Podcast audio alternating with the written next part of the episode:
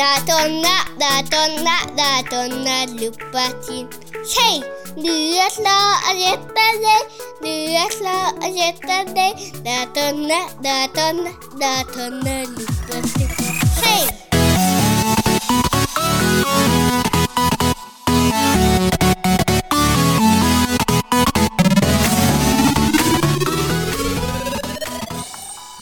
Välkommen till vårens sista podcastavsnitt och eh, vi får väl så här till början med konstatera att vi tog ännu längre paus det här. Vi hade en lång paus sist, eh, till senaste avsnitt, och vi hade en ännu längre paus nu.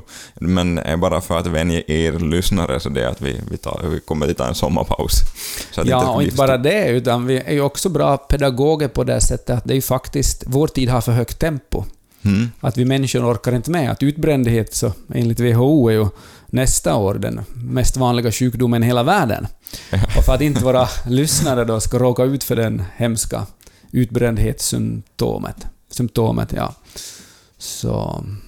Ja, ja, jag skulle ha varit en bra förklaring också att rädda så det ansiktet. Jag tänkte säga att det var semestrar och företagsstarter och allt annat som hade kommit i vägen jag bara, men, men din idé låter ju mycket bättre. Ja, vi kör den. va? Yes, jag Mm. tycker.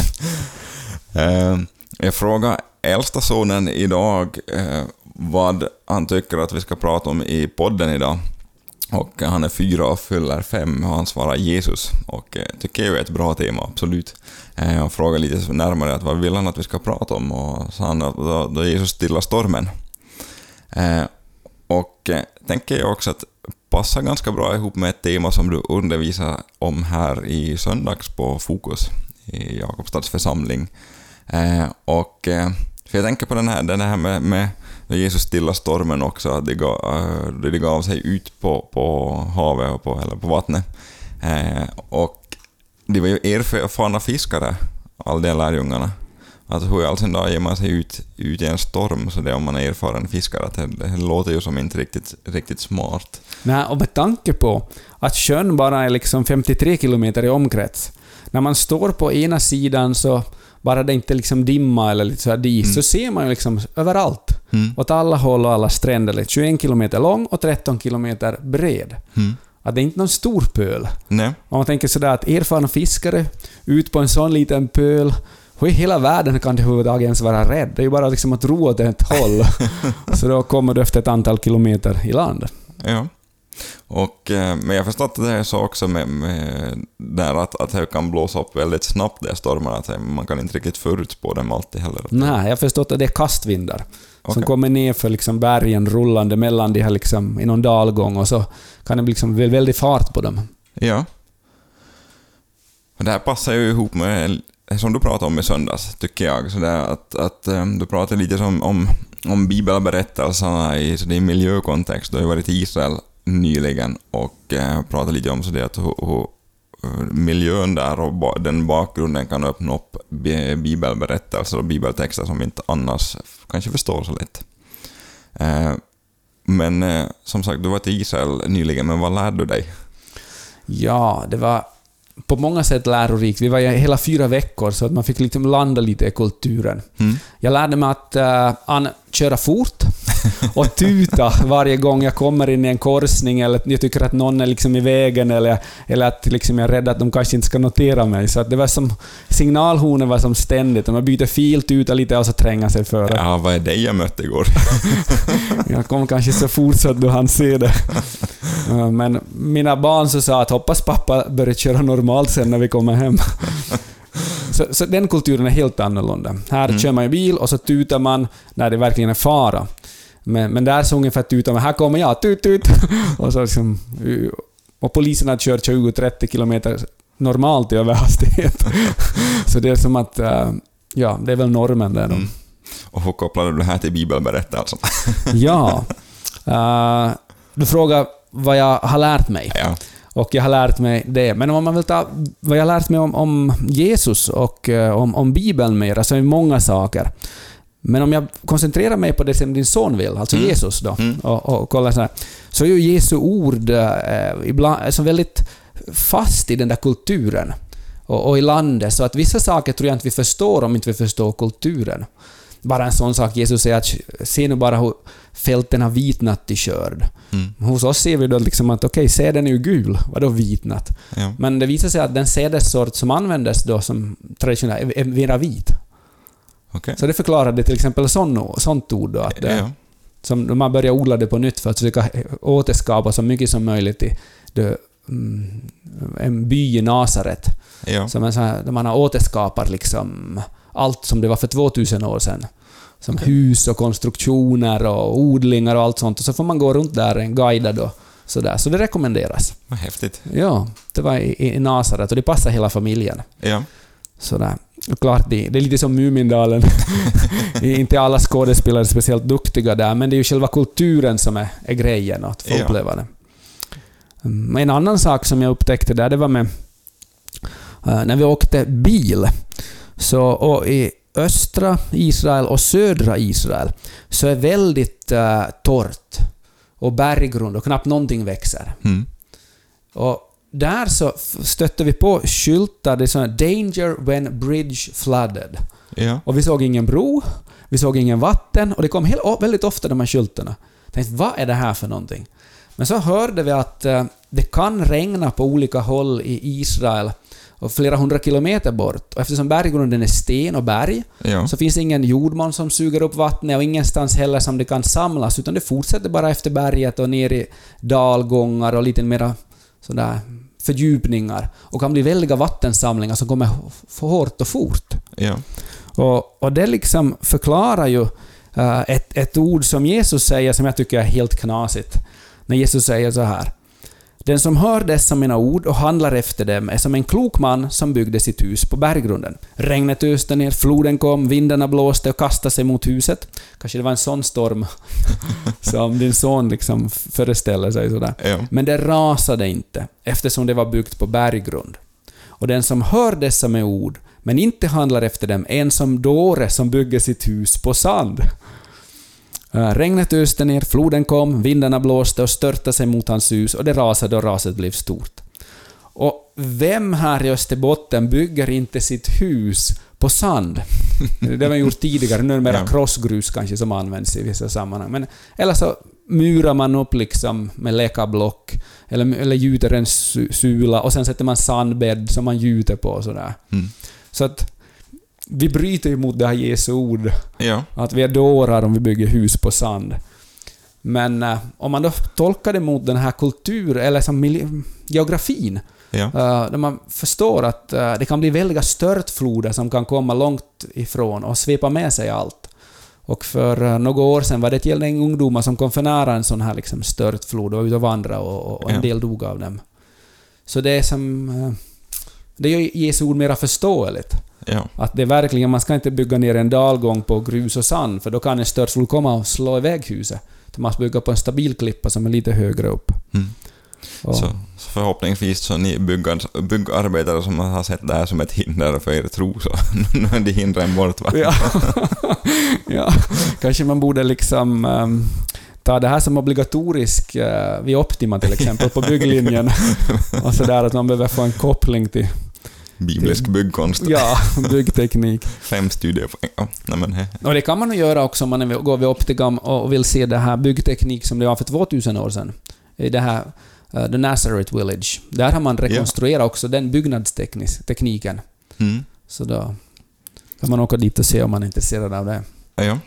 Men, men själva poängen av den blir ju, är ju förstås densamma ändå att eh, om vi hör Jesu ord och handlar efter dem, vi låter Jesu ord påverka oss, leder oss till handling, vi tar vara på dem, då är vi klok menar Jesus. Men om vi förkastar hans ord och bara liksom låter det passera, hör det men inte liksom handlar utifrån det, ta- tar det på allvar, då menar Jesus att vi är en dåre. Mm. Klart, det, det, det är ganska solklart oberoende om man förstår det byggnadstekniska. ja. Men, men visst blir det mycket tydligare. Jag, jag, ja absolut. jag förstår liksom att okej, mm, det är därför han säger det här. Mm. Jag vet inte vad han skulle säga här. Här skulle han säga så här tror jag. Den är en dåre som bygger sitt hus på lera. Utan att påla. I Sydfinland så pålar man mycket när man bygger hus för att det är så mycket lera. Ja. Här är vi inte så vana med det, men att den som är en dåre som bygger på lera. Har du flera sådana saker som du Ja, jag har hur många som helst. Det är bara hur länge vi orkar prata här och folk orkar lyssna. Men en sak är ju vatten. Mm. Här är vi ju oftast eh, led om det kommer för mycket vatten och vi önskar en varm, solig sommar. Ja. Få gå på stranden och, och, och sola. Och liksom men, men i Israel så har man ju sol väldigt ofta. Det är torrt från typ eh, mars, eh, april, ända till liksom september, oktober där. Att lite mer börjar det regna där. Men det kan komma Vad skönt det låter. ja, ja, men eh, det kanske man inte om man är bonde. Nej. De måste ja, ju sant. ha vatten som de tar från saltvatten som de avsaltar. Mm. Eller så kommer mycket från Jordan eller Genesarets sjö, kommer väldigt mycket vatten, så konstbevattning. Ja, Så de håller på och, och tömmer Jordanfloden för de tar så mycket vatten ur Genesarets sjö och sådär. okej. Så det kommer mindre också till Döda havet längre ner då. Ja, Från Genesarets sjö rinner det ner till Döda havet via Jordanfloden. Och, och, och de förstörde systemen när de använde så mycket vatten. ja. Och återanvände dessutom avloppsvattnet till jordbruk. Att de, vatten är så pass bristvara så att man liksom, det är dyrt. Får det att funka. Och det är ju öken, liksom landskap på många ställen. ja. Eller liksom så här halvöken eller som periodvis ser det ut som öken. Och, och där är liksom vatten är liksom, det är det man slåss om. I Gamla Testamentet var det första judarna var ju, pa- patriarkerna var nomader. Mm. Så de slogs om vattenkällor. Det berättas flera gånger i Första Mosebok om slåss om vattenkällor. Ja. Och det blir väldigt logiskt då liksom att det är sån hardcore valuta så att det, man slåss om de här källorna. Bättre än guld. Ja, guld gör man ingenting med om man har vatten. och därför säger också Jeremia, då profeten som blev på 2500, före, kri- eh, fe- 2500 år sedan, att mig hade övergivit källa med det friska vattnet. Och då talar han om då Herren Jahve. Mm. Och, och Jesus säger också då, 500 år senare, då han ska likna liksom med vad han har att ge, så tar han liksom bilden från vatten. Är någon törstig så kom till mig och drick. Mm. Den som tror på mig och hans inre ska strömmar av levande vatten flöda fram. Och det kanske inte vi tycker är så häftigt, det är vatten överallt, men är man i öken och törstar, eller man måste slåss om vattenbrunnar och, och vattenbristvara, då är ju det här liksom wow! Det, det är så att oj, det här som Jesus säger att han har, det måste vara något verkligt bra. Ja. Det ska vara strömmar av levande vatten, alltså rinnande vatten då som flödar fram. Ja. Eh, Du berättade här tidigare om, eh, om eh, Getsemane trädgård och olivpressen. Ja, Det tycker jag du ska berätta igen. ja det, det är också den här... Det fick jag veta i just det här Nazareth Village. Ja. Så där har de rekonstruerat då också en olivpress från Jesu tid.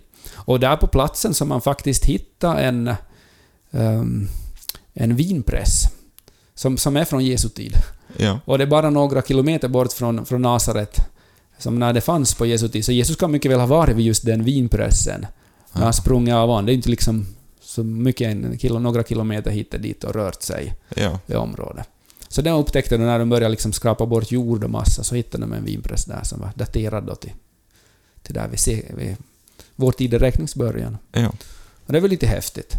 Men sen har de byggt också upp en olivpress. Och, Getsemane eh, betyder just olivpress. Mm. Eh, och så Getsemane örtaträdgård som finns då på sluttningarna österut från Jerusalem på Oljeberget. Mm. Och där gick Jesus eh, igenom då, när han gick från byn Betania där det bodde en del galileer fast det var då i, bredvid Jerusalem. Och några kilometer bort så han gick av och an där, där bodde Maria, Marta och Lazarus i Betania. Så Jesus traskade väldigt mycket fram och tillbaka där. Ja. Så Getsemane så var han nog inte första gången vid den där sista kvällen. Utan Nej. det var en plats som han har varit många gånger passerat och många gånger sett. Och där, Så fanns en- smultronställe. ja, just det, ja. Och eftersom också Judas visste var Jesus var, Ja. så måste det ha varit så att eh, han visste platsen dit Jesus ville fara. Eller Ja. brukar dra sig undan. När han ville vara ensam och be. Ja. Och där så, den här olivpressen då så... eh, först är det en typ en kvarnstensliknande konstruktion där en åsna snurrar runt med den här stenen och krossar de här oliverna till en slags sörja. Sen förs sörjan till en press som har tre stenar på en sån här en axel och de sätts i lite olika läge och, och vinkel de här stenarna. Vilket gör att du, du får olika mycket pressat ut ur oliverna. Ja. Så första pressningen har man minst på något sätt så här tryck på, och då kommer det här bästa, jungfruoljan. Mm. Sen kommer andra pressen, då har man lite mest, mer vinkel och mer tyngd. Så kommer då mat och läkemedelsolja.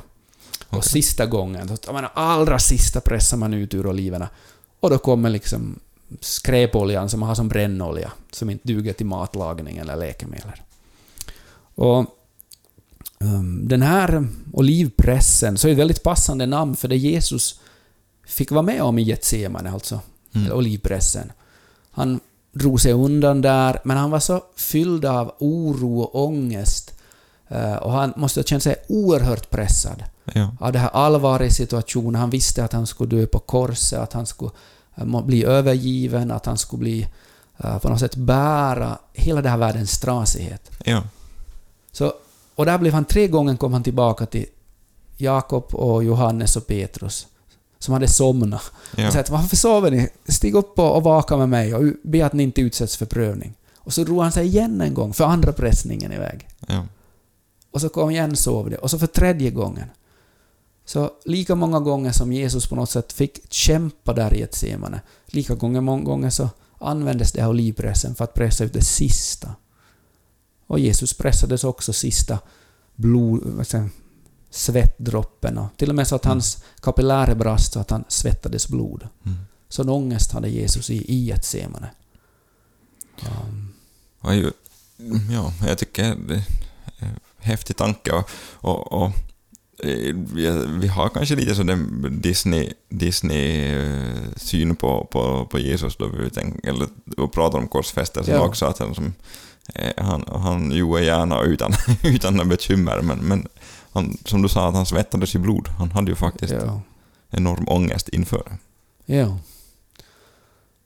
Och det, det gör ju också att när vi då, som ångest är ju en, en av vår tids eh, väldigt vanligt förekommande, Ja, så man talar om ångest och, och sådär. Och, och då måste man ju säga att Jesus vet vad ångest är. ja, Inte utifrån teoretiskt perspektiv, utan från ett självupplevt perspektiv. ja, Och det är ju på något sätt befriande i det att okej, han är med mig i det här. Där jag befinner mig. mm, Och det tror jag är en, en viktig befrielse. ja. Att ha det perspektivet med sig. Ja. Jag tycker det är så häftigt, så, så, alltså, sådana här, såna här saker. Alltså, som, Ja. För det lyfter ju fram, fram eh, Bibeln på ett helt annat Mm. sätt och gör det mycket, mycket mer levande. Jag var ju in tidigare i år, då, jag minns inte vilket avsnitt, där jag pratade om uh, bibelberättelser som jag tyckte var häftig med, med, med eh, Barabbas. Att han, blev, han var skyldig till ett brott som Jesus blev anklagad Ja. för och Jesus var, var oskyldig. Och det var Barabbas som eh, gick fri och Jesus som blev korsfäst och- eh, dödad för, för hans skull. Och Ja. Ännu häftigare då man inte vet identiteten på Barabbas, utan Barabbas bara bety- betyder att eh, son till sin far. Att det kan egentligen vara vem som helst av oss. Jag tycker ja, det är så häftigt då man Mm. går tillbaka till betydelsen då, för att det Ja. kan öppna upp betydelsen för de här bibelberättelserna för oss idag. Och där kan ju man fråga sig att varför måste man känna till sådana här saker? Barabbas, Ja, Getsemane, byggnadsteknik på Jesu tid. Att hallå, kan inte Gud göra det enklare? ja, Och det- man måste ju hålla med, visst. Det är liksom lite motstånd. Att, att sätta sig in i en annan kultur och en annan historia Mm. 2000 år sedan. Men samtidigt så blir det ju mer verkligt. Alltså det är på riktigt. ja, Det är inte som inte en sagovärld eller en sån där eh, objektiv, flummig andlig värld eller någonting utan det är som här i denna värld, som en av oss, i en kultur. Det är som på riktigt. Det är mer Ja. som att Gud har på riktigt touchat den här jorden ja, och, och, och levt under våra villkor. ja.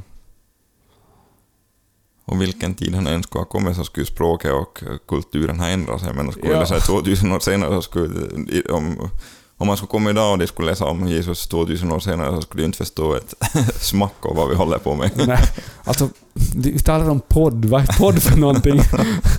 Eller liksom eh, internet och sådär. Liksom, vad, vad, vad är det för någonting? Mm. Ah, ja, det är ett så här ålderdomligt system man använder för att skicka information och sådär och kommunicera på, på, för 2000 år sedan. Ah, just det ja. Okej, och det var endimensionellt. Ja. Eh, Eh, jag tänker då på, på det här eh, tror jag att det är väldigt få andra människor som är intresserade av, men, men eh, förstår, man kan läsa om i Stefan Gustafssons bok Skeptikers guide till Jesus, bland annat. Och det beskriver ju någon som har gjort en forskning kring Bibeln och namn på den tiden.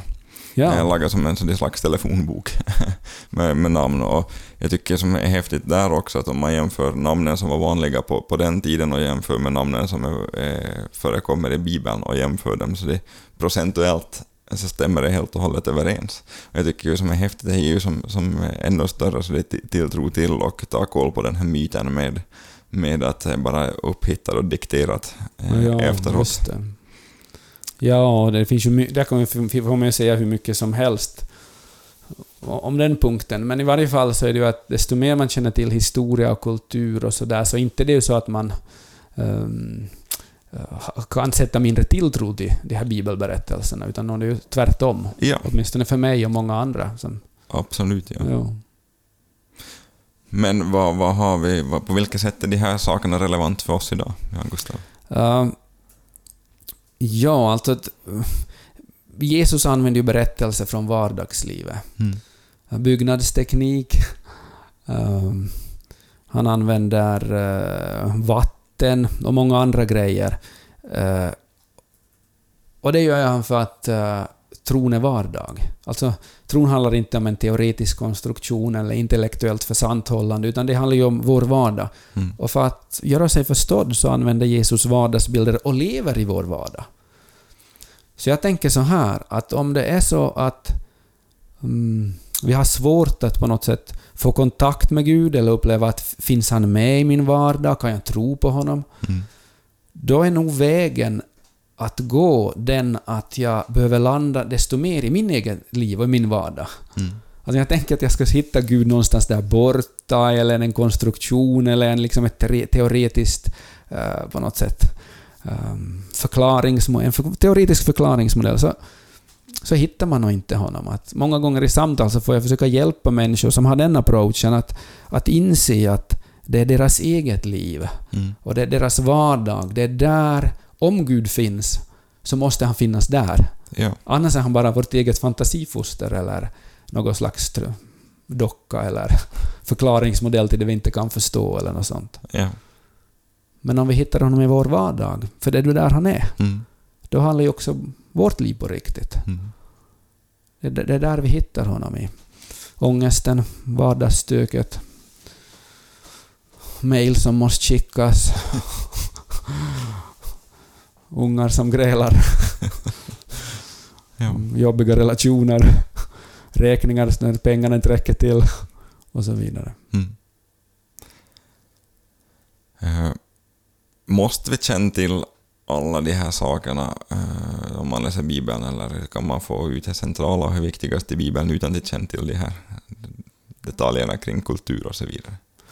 Vissa saker går säkert sådär, men nog är det ju liksom fattigt. Jag det handlar mer att liksom, varför leva fattigt när man kan leva rik?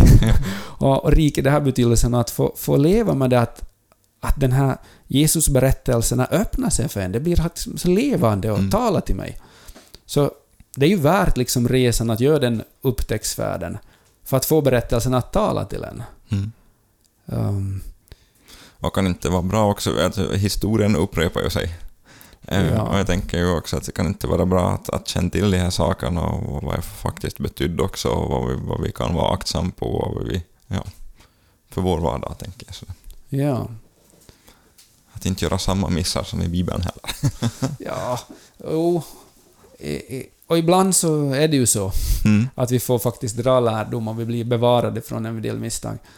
Men nog verkar ju människor ha liksom den ovanan att vi måste göra våra egna misstag. Ja, Att det verkar nästan så att vi då vi först vill lära oss att ja, just det, kanske det här var en ändå... Ja. Nej, det var inte så bra väg att gå den här. nej. E- e- egen liksom upptag, okej. Men nu har jag ju själv bevarats från en hel del. Tack vare att jag liksom till viss mån har fått ta vara på Jesu ord. Ja. Att, det är ju tacksamt för. Men inte säger ju Jesus bara en massa saker det här ska du akta dig för och Nej. se upp för det här och sådär. Det är ju som, hans ord är ju på dynamit på ett helt annat sätt. Ja. Det är ju som eh, liv. Ja. Det är som när, när... eh, Kommer du ihåg förresten Thomas din första kyss med Jenny? Puss då. Ja, ja. Thomas blev så röd här så jag måste ändra liksom frågan. Ja. Det gör du. Ja. Mm. Och, och, och sådär att... Kan, kan jag svara något annat nu? Får se att Jenny lyssnar inte på nästa avsnitt, det blev dåligt. Eller något sånt. Eh, och, och, och visst liksom kan man... eh, du gör en, liksom en teoretisk beskrivning av, av uh, okej, hur det är att kyssas. Eller hur, hur, hur vått är det och liksom hur känns det och, och laga någon teknisk bok över det och sådär. Men nu är det ju tråkigt. Nu är det ju som själva kyssen som är intressant då. Och sådär. Pussen. Och lite samma med Bibeln också. Att va- varför liksom uh, nöja sig med någon slags ytlig liksom, ytskrap och så, utan um, all in, va, så att få, få erfara den här att wow, att nu, nu är det här på riktigt, att nu, nu, nu, händer det här, nu får jag vara med i berättelsen och nu lever det för mig. Mm. Och, och, och det får vara som viktigt för mig i vardagen, det får tala till mig. Mm.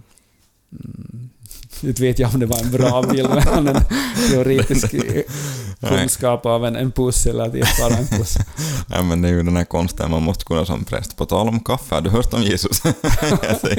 Man skulle kunna komma in på, på allting. Ja, äh, mina barn brukar ibland liksom sucka innan jag kan få åsnebryggor från liksom olika saker. Ja, ja, här, här slänger vi in en predikan då igen. Ja.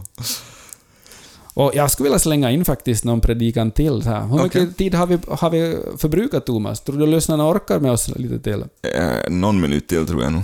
Du tror det? Jag tror det. Ja. Annars får du spola lite. ja. Eh, Det är ju liksom det här... ehm, jag skulle kunna ta med eh, dödsrikets portar. Mm. Så Jesus talar ju om, om församlingen att dödsrikets portar ska aldrig få makt över liksom, den församlingen. Och det är just när Petrus då, det är uppe i norra Israel, Golanhöjden, och, och där vandrar de. Eh, Caesarea Filippi hette platsen på Jesu tid det närmar sig, och där är mycket sten och klippor. Och, och där säger Jesus då till Petrus när han har sagt att, att du är Messias, Uh, Petrus bekänt om, om Jesus, så säger Jesus att det är min far som har uppenbarat det här för dig och du är Petrus som betyder klippan. Då. Mm. På den klippan ska jag bygga min kyrka och dödsrikets portar ska aldrig få makt över den. Och just i den här trakten så fanns det ett gap som man kan förknippa med dödsrikets portar. Okej. Och, och det är alltså då en sån här död grotta, ska man säga. Eh, Alltså det har varit ett vattendrag där tidigare, men nu är det liksom eh, omvälvning har gjort så att det är liksom en, en öppning bara sådär. Men på Jesu tid kom det vatten där. Och det fanns en staty av Augustus, en man tillbad kejsare Augustus, och det fanns en staty av Pan, guden Pan, som är en grekisk gud. Mm. Panflöjt kommer därifrån, och Panic kommer därifrån, han guden sprang runt och var yra runt, så panik. Det. Eh, och den här panguden så hade en get halva delen och, och mm, halva delen var människa. Och, och den här guden offrar man till där då och i grekiskt tänkande så var det också den här Styrks, var det floden som, skil, som sammanband då dödsriket eller underjorden med ovanjorden. Och, och här då liksom där vid det här avgudarna och mitt i det här där man offrar till alltså att det här gapet kan Jesus mycket väl peka på dödsrikets portar. Liksom till underjorden kommer aldrig att få makt över den. Mm. Över, över min församling, över eh, den gemenskap som tror på mig. Ja. Och, och det är ju ett fantastiskt löfte. Och det är ju lika starkt oberoende om vi förstår att han pekar på det där eller inte. Men visst är liksom att få en bild av det, att nu står Jesus där och pekar på det här dödsrikets portar och, och, och nu försäkrar han till sina lärjungar, till dig och mig, att dödsriket, alltså allt det som bryter ner i livet, det vi är rädda för att ska ta makten över oss, förstöra och bryta ner, att det kommer inte att få makt och kunna ta det som egentligen är vi. Alltså att den Gud har skapat oss till, att det kommer att bevaras oberoende vad som annars händer i livet eller hur det går. Mm. Det är ett fantastiskt löfte Ja. att ta fasta på. Ja. Dödsrikets portar ska aldrig få makt över din familj, Thomas. Nej. över ditt liv. Nej. Nu börjar det vara dags att summera dagens eh, avsnitt av våren. Får vi väl säga att knyta, knyta ihop det sådär, sådär långt. Och eh, eh, vi vet inte om och när vi kommer tillbaka, men eh, hoppas att ni eh, som lyssnar har kunnat ha glädje av vårens poddavsnitt också. Eh, och tack också Jan Gustaf för att du har varit med och, och diskuterat och funderat med mig. Och, eh, får väl säga tack åt Jimmy också som, eh, som Ja, har varit med en hel del. Och tack Thomas, det är ju du som är producent och sköter det tekniska och, och sådär så tack för att du kom på den här knäppa idén. Ja, fortsatt att vara omgiven av idioter, eller hur? ja. Men ehm, så vi träffas inte i sommar då Thomas? Ja, det gör vi ju. Ja, jag ska komma och hälsa på dig på skriftskola. ja. Mm. Kanske vi ses före det till och med. Månne inte, månne inte. Och eh, passar vi också på, jag vill passa på att göra reklam för midsommarfestival vid Pörkenäs lägergård som ordnas av Kyrkans ungdom. Eh, kom ut dit, det kommer att bli jättebra i år. Men det finns mer program på Kyrkans ungdoms webbsida så får man läsa, läsa mer Ja. där. Och hösten, Mm. då blir det alfakurs, mer av Jesus. Mm. Eh, Gör som 29 miljoner andra.